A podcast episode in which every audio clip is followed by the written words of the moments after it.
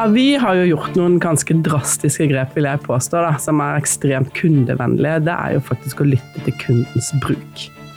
Det vil si at eh, hvis vi ser kunder har større datapakker som de ikke bruker, så anbefaler de, vi de å nedgradere. Det vil jo si at vi anbefaler de en billigere prisplan enn det de betaler i dag. Og Det handler jo om å ta kundens bruk på alvor. Eh, for vi skal leve av den totale kundemassen. Og vi skal leve av den goodwillen som ligger i at kunden får gode råd fra leverandøren sin.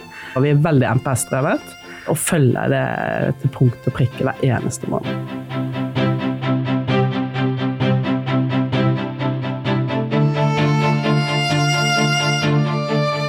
Velkommen til Subscription Talks, en podkast fra Subscribe om The Subscription Movement. Abonnementsbølgen som skyller over hele verden og transformerer bransje etter bransje. Stadig flere konsumenter og bedrifter foretrekker produkter og tjenester som er abonnementsbaserte. Fordi det oppleves som fordelaktig både for kunder og bedrifter, samtidig som abonnement støtter opp under bærekraftige forretningsmodeller. De tre p-ene People, Planet og Profit. Hver episode har et eget tema, hvor vi har invitert inn spennende gjester. Både små og store aktører fra alle bransjer, men som har det til felles at de alle satser på en abonnementsbasert forretningsmodell.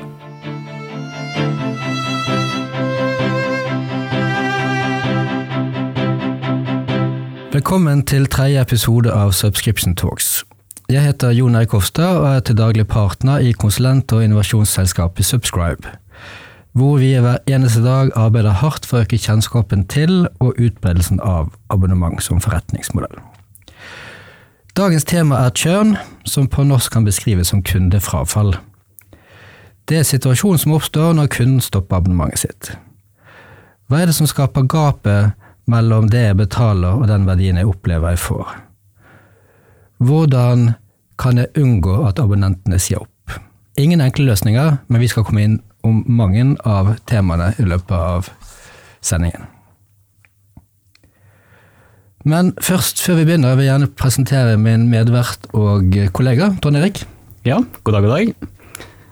Eh, jeg heter Trond Erik Deflon, og jeg er seniorkonsulent i Subscribe. Trond Erik, hva tenker vi rundt kjønn? Hva, hva, hva, er liksom norske begrepet kundefrafall? Er det dekkende, tenker du? Ja, det er jo det. Det er jo gjerne sett uh, opp mot noe. Uh, kundefrafall opp mot f.eks. hvor mange abonnenter eller medlemmer man har uh, i løpet av en periode. det er veldig mange måter å regne ut churn på. noen veldig enkle, og er, man kan gjøre det så komplisert man ønsker. Og det er jo verdt å, å nevne at dette er et sånn teknisk aspekt ved det å drive abonnement. Vi kommer til å bruke en del begreper. Vi kommer til å bruke churn, vi kommer til å bruke kanskje turner, vi kommer til å bruke en del sånne fagbegreper. Vi skal forsøke å holde oss unna det så langt som mulig.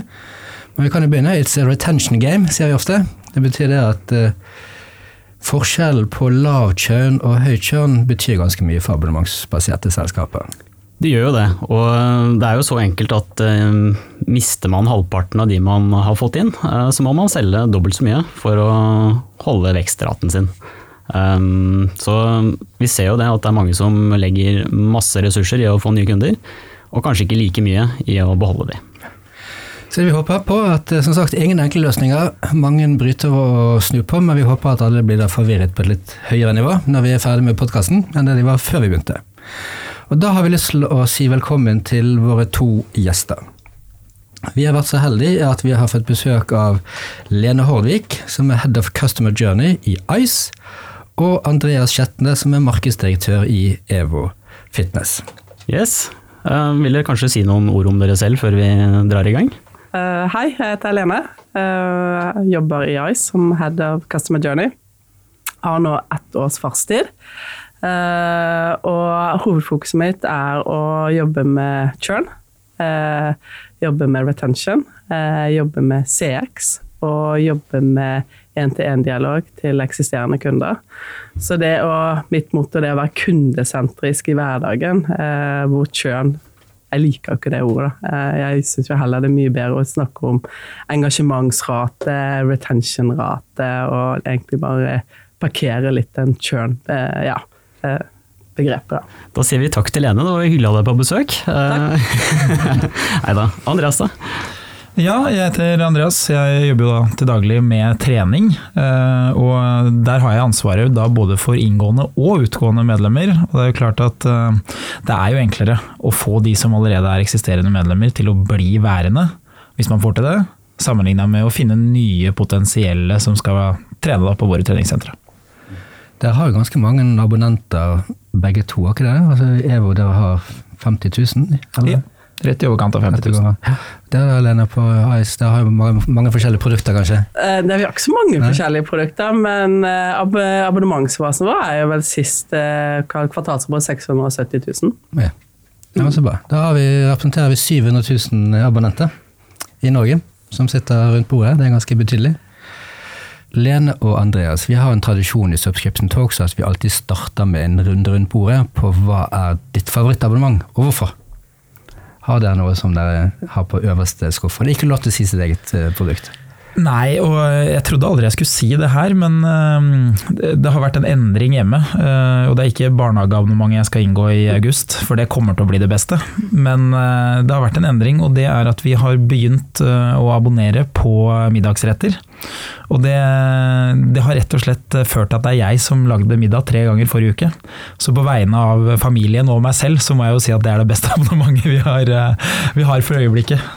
Ja, spennende. Lene?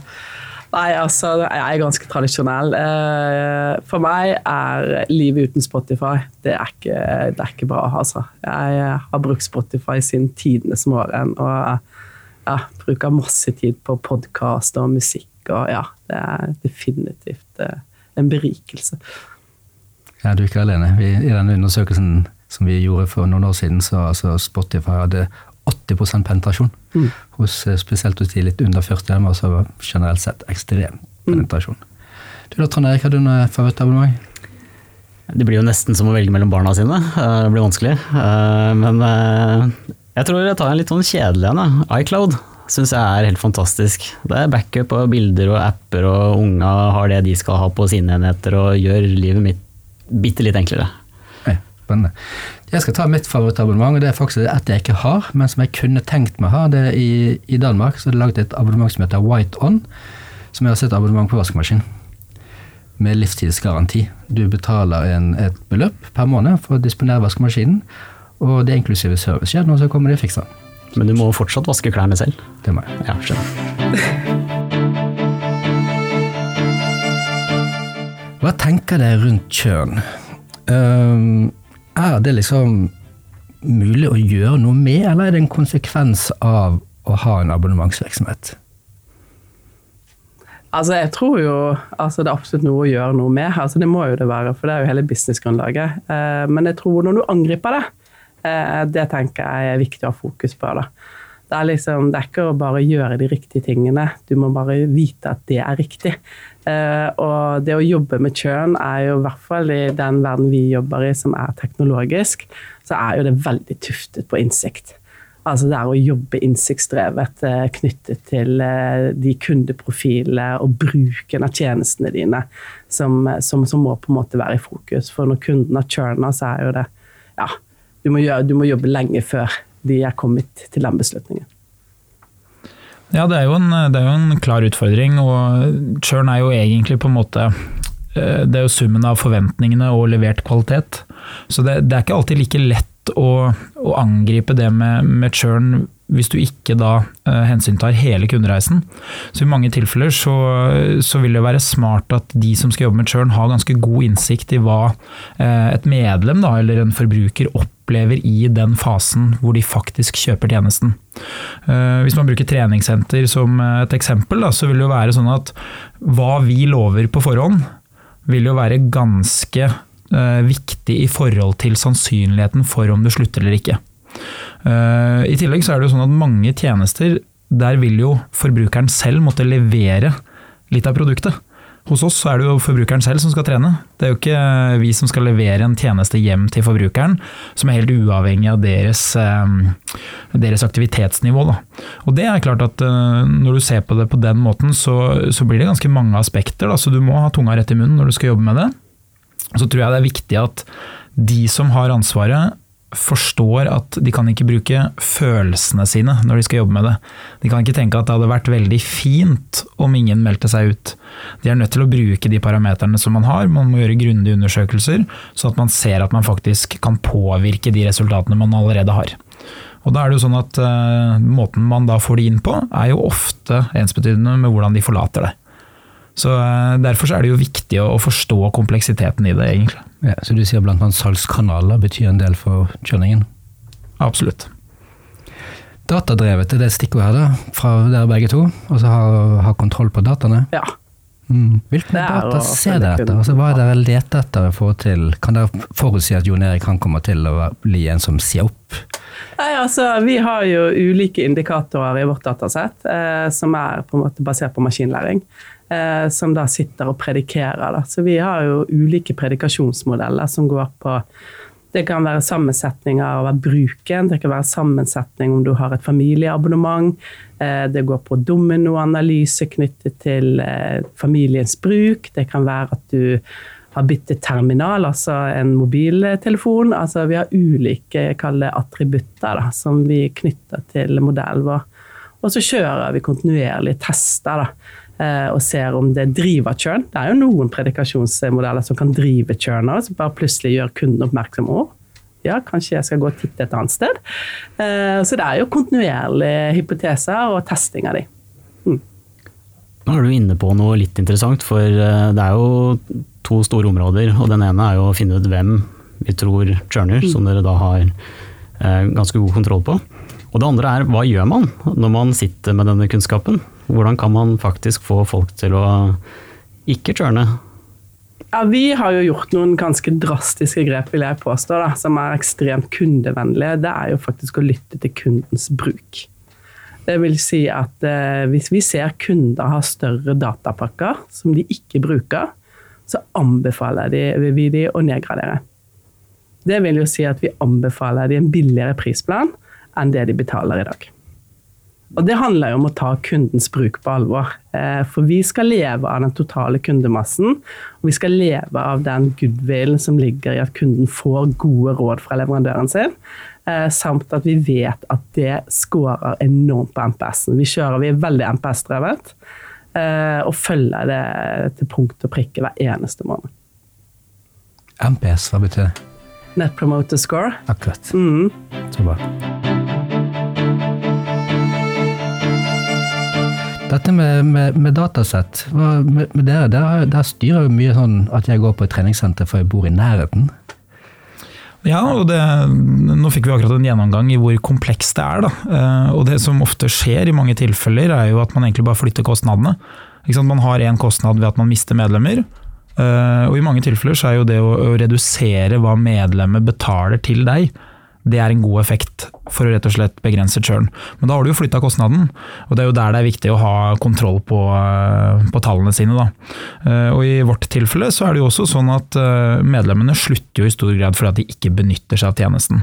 Så for oss er det jo viktig at de opprettholder bruken av treningsmedlemskapet. Men det er klart at alle studier på fysisk aktivitet viser jo at de aller, aller fleste de detter jo av innen tre til seks måneder. Og det er jo helt uavhengig av treningssenter. Og det gjør jo på en måte oppgaven litt vanskeligere, fordi du får en churn som er helt naturlig, og som Helsedirektoratet bruker flere milliarder årlig på å prøve å løse, og som ikke de er i nærheten av å forbedre fra år til år. Så for oss da, så er det jo viktig å se på hva, hva er det vi kan gjøre, og så må vi hele tida ta løpende valg på om vi ønsker å flytte den kostnaden. Er det sånn at vi ønsker å oppsøke øh, det medlemmet som da potensielt slutter, og si du, vi ser at du trener lite, kanskje du ønsker å fryse isteden i en liten periode. Eller kanskje du ønsker nå noen eh, måneder hvor du ikke betaler, og så prøver vi igjen i, i neste sesong, da. F.eks. I, i august. Og det, det, er nok mange som, eh, som kanskje ikke har den sammensetninga der de eh, bruker churn, salg og medlemsmassen i ett, for å se på hvilken totalgevinst man egentlig sitter igjen med. Så mange jobber nok bare sånn veldig aktivt med én ting, og så ser de ikke at det påvirkes av veldig mange av andre avdelinger da, i samme bedrift. Ja, det er spennende tanker det. og det er jo veldig mange aspekter ved churn som er teknisk. Altså man sitter og finjusterer, bruker data. Eh, hvilke forhold har dere til selve verdiforslaget når vi snakker om lojalitet og churn? Altså kan man si at på et eller annet tidspunkt så må man se på den verdien man leverer til kunden, og om den eventuelt burde utvides, eh, forandres eller bare utvikles? Begynn med deg, Andreas. Ja, Det er vel egentlig der eh, selve slaget står. Altså, Hva er det du tilbyr kunden? Eh, hva er det du lover kunden på, på forhånd? Og i hvilken grad er det sammenfallende? Og det er klart at Hvis tilbakemeldingen fra de som avslutter sitt medlemskap, er at de er misfornøyd med differansen mellom hva de ble lova og hva de fikk, da bør man jo helt klart gjøre noe med verdigrunnlaget sitt. Men uh, på generell basis så vil det jo være sånn at uh, selskaper i vekst vil jo eh, nesten alltid oppleve økt churn. Med mindre man har et eller annet tilbud som er så viktig for forbrukeren at det å si opp ikke er et alternativ. Eh, men med en gang man har konkurranse, så er det jo lite trolig at man klarer å ha monopol på medlemsvirksomheten sin. Så derfor så vil man hele tida måtte operere med eh, en type churn. Og, og, da er det jo viktig å gå direkte inn og se hva, hva er det vi kan endre, og hva er det vi kan få egentlig gjennom da små, enkle endringer. Uh, og det er jo det vi egentlig snakker om. Det er jo veldig små tilpasninger som over tid blir veldig store og gode resultater. Mm. Men dere i Ice, da, med verdiforslaget? Ja, vi har jo vi har, vi har ikke sånn gammel strategi. da, altså, Vi lagde en ny strategi i 2019, så vi jobber jo kontinuerlig med den. Vi er jo veldig opptatt av de, altså value proposition, verdiforslagene våre. Eh, og vi eh, som sagt, vi trekker jo kunden. Vi har eget panel. Vi har etablert et eget kundepanel. Eh, vi har brand tracker, så vi har også et OKR-rammeverk som vi jobber etter. Uh, og det som blir viktig for oss, det er jo nettopp å finne avvikene. Altså det vi lover, og det kunden opplever. Og for oss er det ganske spot on, eh, med tanke på at vi er en mobiloperatør. Vi er på en måte en utfordrer til Telia og Telenor. Eh, vi har vårt eget nett. Bare det at kanskje mange tror at vi fortsatt er et hyttenett. Vi har en av verdens beste mobilnett. Eh, en kommunikasjonsoppgave, ja, men også det å sjekke med kundene at de har den opplevde produktkvaliteten. Altså den som går på network consideration, er for oss en sånn key indicator på om vi faktisk leverer på det. For vi, har jo et lavinteresseprodukt, ikke sant. Eh, og så vet vi at x antall mennesker poterer i løpet av et år. Men hvordan skal vi få de sofasliterne til å faktisk se at Ice gir verdi for pengene? Og det er et av vårt, eh, vårt, eh, vårt eh, Verdiløftet er jo verdi for pengene og lojalitet og enkelhet. Og vi scorer jo høyest på EPSI-undersøkelsen i bransjen hver eneste år på enkelhet. Så vi har disse ulike følerne. da, og, og, så har vi datagrunnlaget, og så spør vi kundene våre. Vi snakker direkte én til én til dem.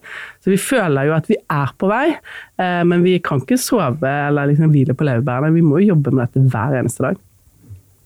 Jeg synes Det var spennende det du sa om at dere er proaktive og sier ok, Jon Erik, du kan ta en mindre pakke mm. og, og spare litt penger. Uh, vi opplever jo uh, I Subscribe så har vi sagt abonnement 1.0, 2.0 og 3.0. Mm. Abonnement 1.0 det var sånn som jeg drev med for mange år siden. altså Få de inn og låse de inne, på en måte. Mens en 3.0 er på en måte sånn som du også sa, Andreas, altså man kan pause, man kan være litt fleksible. Denne proaktiviteten, det er ikke så mange som gjør det, så vidt jeg vet. Altså At man går aktivt og sier du, vi du har et litt for stort produkt hos oss, gå ned. Hvordan, hvilke reaksjoner får dere for det? Det gjør utslag i høye MPSK. Eh, definitivt. Det, det, at vi gjør prisjusteringer, automatiske justeringer i eksisterende kundebase. Så sier jeg at vet du hva, du skal få lov til å betale det samme, men nå får du 5 gigabyte ekstra. Ikke sant? Uh, det, det, opplever kunden som noe positivt. Uten noe hassel, uten noe bindinger. Det er de samme reglene som ligger til grunn for den kontrakten du inngikk. Da. Så Det handler jo om å spille på lag med kundene sine, og kanskje mer se på kundene som de beste hjelperne til å utvikle tjenesten din. Det er spennende, for eh, der er det jo litt sånn forskjellige filosofier. Noen liksom vil holde de litt unna, liksom ikke, at de ikke skal oppdage at de har et abonnement. Vi lagde en stor undersøkelse sammen med Norstat for et års tid siden, hvor vi intervjuet 1000 nordmenn om abonnement og medlemskap. Og det var tre grunner som trumpet liksom dette mye opp. Det var bruker det ikke nok, relevans og pris. Uavhengig av produkt. Og det er egentlig det som dere sier også, altså det er relevansen. Mm. Hva tenker dere når dere ser dere rundt omkring på andre abonnementsvirksomheter der? Altså i forhold til relevans, er det produkt, er det pris, er det hva, hva tror dere betyr mest for kundene? Jeg tror alt handler om vaner. Jeg. Altså Hvis du har en innarbeidet god vane, eh, så vil du beholde det abonnementet ditt. Så du må begynne med å, å etablere en god vane. Da. Og da må du som leverandør bidra til at kunden din får den gode vanen. Ikke sant? Sånn at den er liksom topp of mind hele tiden. Og Det er litt sånn som Andreas sier med trening. Det er jo vane. Det er jo, det er å lage gode rutiner. Det er å lage gode vaner. Og det har jo vi mennesker lett for å skli ut på. Og så er man kanskje litt i forhold til interesser òg. Man har disse nisjebitene på abonnementsverdenen hvor du faktisk ja, du er ihuga opptatt av eh, akkurat det. Men så kan det være at du går i bølgedaler. Da. Så det er disse vanene jeg tenker vi må jobbe veldig mye med da, for å få den etablerte lojaliteten i bunnen. Jeg syns det er litt spennende dette med kjørnprediksjoner, så man kan se det på forhånd. For når jeg sier opp et abonnement, så er det jo noe som jeg som oftest da, har bestemt altså Den reisen begynte for ganske lenge siden. Misfornøyd med produkt eller pris eller kundeservice eller et eller annet. Hvordan, hvordan liksom er de første sånn early warning-signalene som dere ser på et, at en abonnent eller et medlem liksom, ser seg om etter døren? litt. Uh, nei, i vårt tilfelle så er det jo at vi ser etter et avvik. Uh, det er jo ganske mye enklere for oss som da har en tjeneste hvor du oppsøker uh, det å bruke treningssenteret, som gjør at vi enkelt kan, kan si at du nå, nå, trener du litt mindre enn det du har gjort tidligere. Og basert på hva vi har observert hos andre medlemmer, så ser vi da at på sikt så vil det medføre at du slutter å trene. Eh, og Hvis man da kan knytte det opp mot årsak til utmeldelse, altså hvis man spør alle medlemmene hvorfor slutter du egentlig, eh, da vil du jo få veldig mange som flytter, eh, mange som har et nytt treningssenter nærmere. Men det er også da en del som mister motivasjonen, eller da som har andre grunner som er litt enklere å gå løs på for å bedre churn-statistikken. Eh, og den kanskje enkleste, altså det enkleste tiltaket du kan gjøre, den mest lavthengende frukten, det er jo å oppklare eh, det som kunden ikke forstår. Altså det er jo veldig mange som slutter hvert eneste år bare fordi de ikke har forstått hva de egentlig har mulighet til i sitt eh, medlemskap. Så det er jo det første vi angriper. Og det andre er jo å se på om vi kan bidra til at Eh, behovet for tjenestene vi leverer blir rett og slett bedre og større. Og Det kan jo være at vi tilbyr et treningsprogram eller en eh, oppfølgingstime med en personlig trener, sånn at du rett og slett kommer i gang igjen. Eh, og da er det jo sånn at vi får jo ikke på en måte avslutta churn. Det er jo ikke sånn at du blir medlem resten av livet, men vi får forhåpentligvis utsatt den. Og det er jo egentlig det vi snakker om. Jo, hvis vi har noen få gode måneder i løpet av et år, så vil jo det påvirke regnskapet i veldig stor grad. Mens eh, vi anerkjenner jo at på sikt så vil vi aldri få null. Det vil ikke være noen mulighet. Liten kommentar der, for vi har jo vært gjennom en del sånne konkreter. Altså det skal være enkelt, eh, bygge vaner, eh, opplevd verdi man får. Um, hvor stor betydning har det å ha en tydelig merkevare for churn? Altså det at man knytter emosjonelle verdier da, til kundeforholdet sitt. Hva er dine tanker om det, Lene? Åh, det er kjempeviktig, men det er òg eh, det, det er, komplekst, altså. For det der, og I hvert fall snakker jeg for Ice sin del, og kanskje også Eve, som er en utfordrer. Det er jo det der å stå i det taktiske. Du skal vokse. ikke sant? Du skal både beholde kunden din, du skal vokse, og så skal du bygge en god historie. Du skal bygge trust, du skal bygge det som går på brand consideration. ikke sant? Uh, og, og det, er en, det, er en, langsiktig oppgave, og det er en krevende oppgave å stå i det taktiske, samtidig bygge fundamentet. Uh, heldigvis har vi et lite land, det er jo en fordel uh, for å på en måte være synlig. Men det er, det, er en, det er, et langsiktig arbeid som vi jobber hver dag med, men som vi ikke har kommet i mål med. Eh, men som vi snakker eh, og har konkrete tiltak på, fordi vi ser det med trust, det med tillit. Vi kjører masse kvalitative intervjuer, dybdeintervjuer, eh, knyttet til opplevelsen av Ice. Hvorfor skal kundene velge Ice? Kan du ta den heispitchen og si liksom, hva er liksom, det er bra med oss kontra Telenor og Telia? og da viser det seg veldig ofte at det er denne derre falle tilbake til det trygge. Altså det derre eh, Det her kjenner jeg til. Istedenfor å på en måte kanskje Vi ønsker kanskje å være litt den rebelske, den litt uh, uredde, den som byr på noe annet enn de trauste. Så vi jobber hele med dette snertne bildet i, altså i kommunikasjonen vår. Og så har jo vi tatt et kjempeskritt i forhold til ungsegmentet. Vi kom jo først med Ice Junior, og ingen av de andre telekomselskapene som gjorde det. at du, Har du barn, så kan du ringe gratis hos Ice. Det er jo første steppet for å rekruttere de inn i Ice-sfæren. Så tilbake merkevare. Begynn tidlig, og jobb med det langsiktig. Altså, det er kjempeviktig. Det er også en litt utfordra posisjon, Andreas Aker Evo. Jo, helt klart. Eh, så Det første målet vi har er jo rett og slett å bli Norges nest største treningskjede.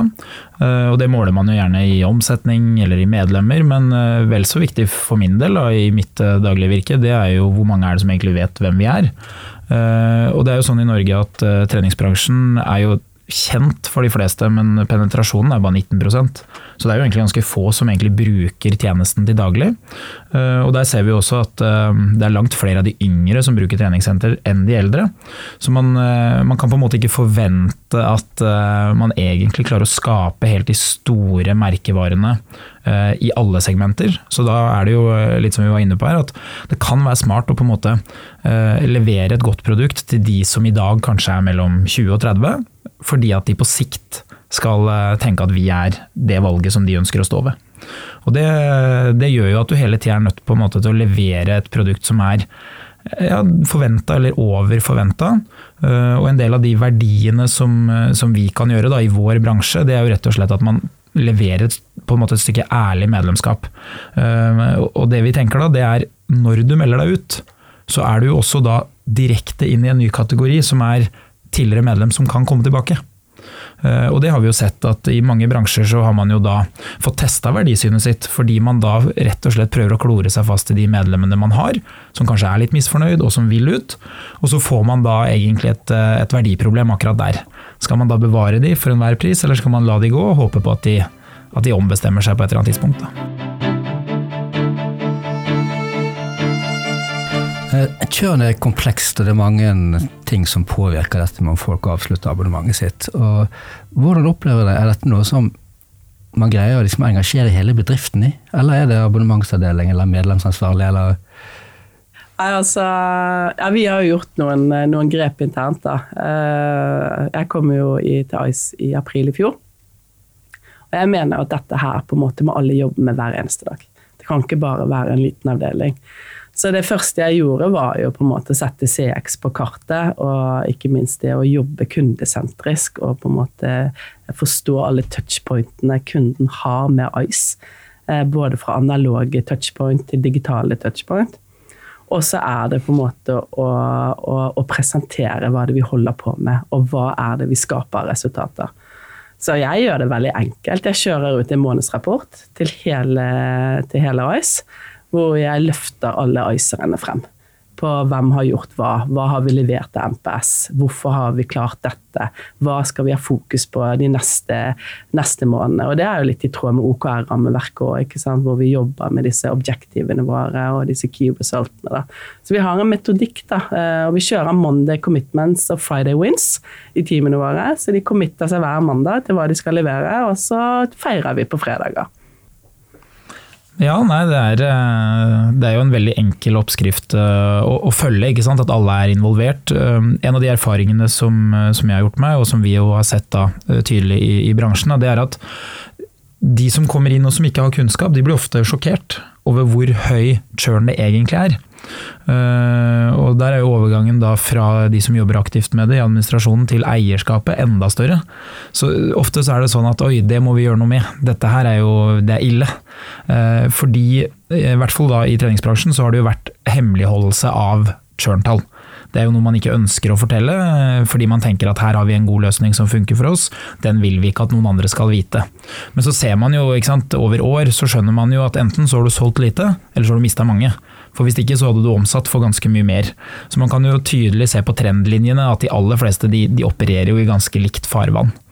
Og da, da, er det jo sånn at eh, det er smart å informere alle i bedriften om, om hva som er status. Hva, hva, er det vi ser? Altså, er det 10% som er høyt? Er det 20? Er det 40? Er det 100? Hva, hva, er det vi egentlig kan eh, forvente? Og så kan man jo deretter begynne å forklare at dette er virkemidlene vi benytter for at det skal bli bra. Og da ser man jo at eh, over tid da, så begynner jo de fleste i bedriften å få forståelse for det, og de kan også da anerkjenne at resultatene som skapes er gode.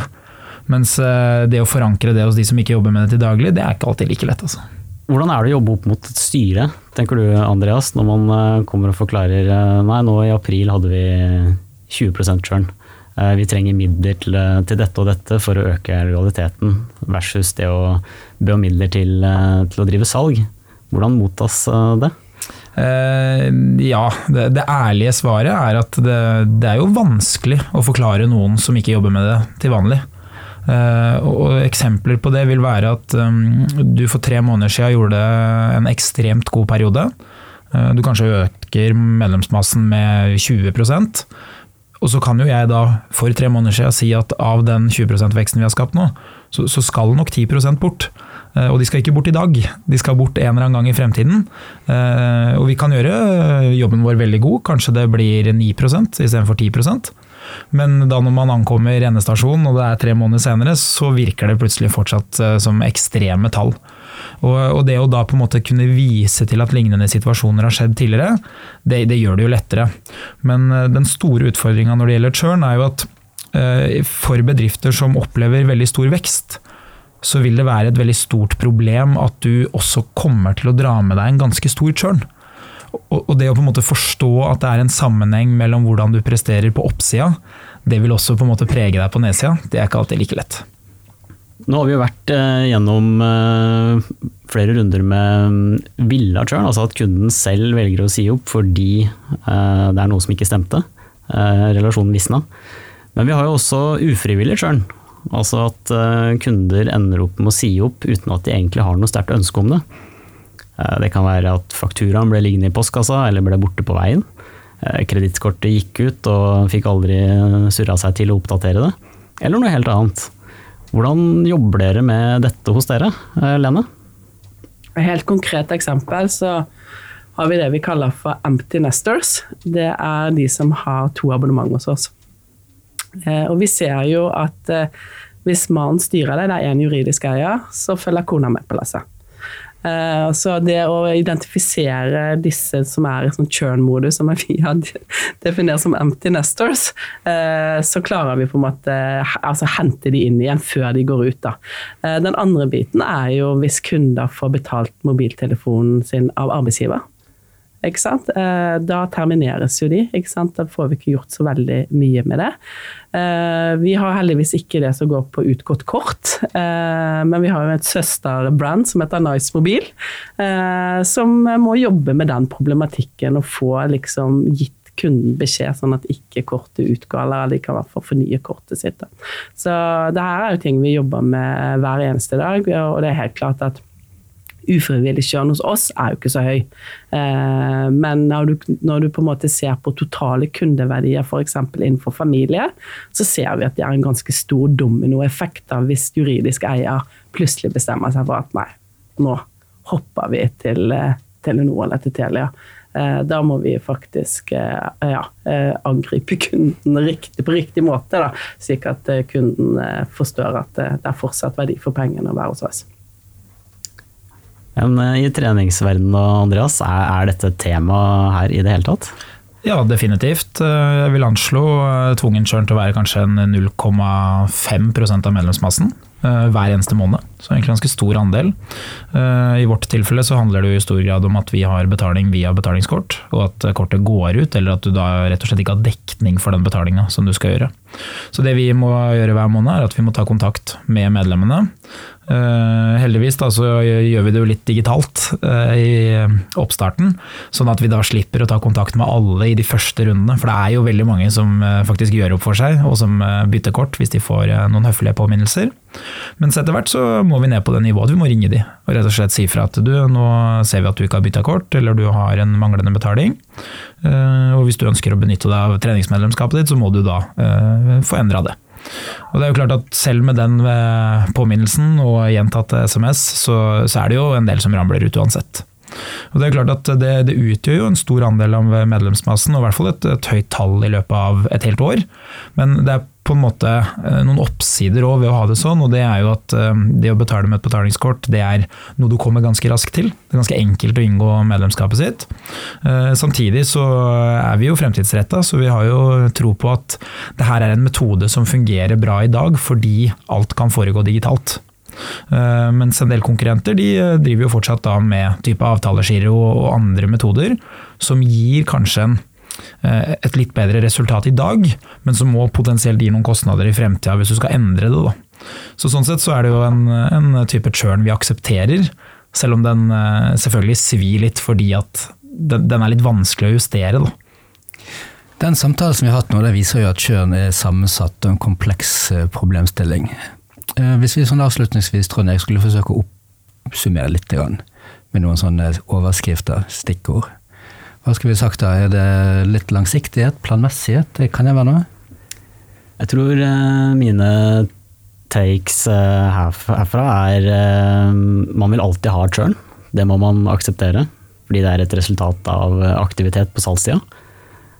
man må passe på å utvikle seg som selskap for å hele tiden være relevant over tid. Og så er det en hel del tekniske greier som jeg har vært gjennom i dag, som man uh, må og bør jobbe med over tid for å bli gode på alt, uh, alle disse småtingene som gjør at, som klusser til kundeforholdet, enkelt og greit. Jeg tror det er mine tekst, ja. ja men Jeg syns det var en fin oppsummering. Så tusen takk for at dere kom. Det har vært en, en god diskusjon, og jeg håper de som har hørt på har lært noe av det. Det har i hvert fall vi gjort.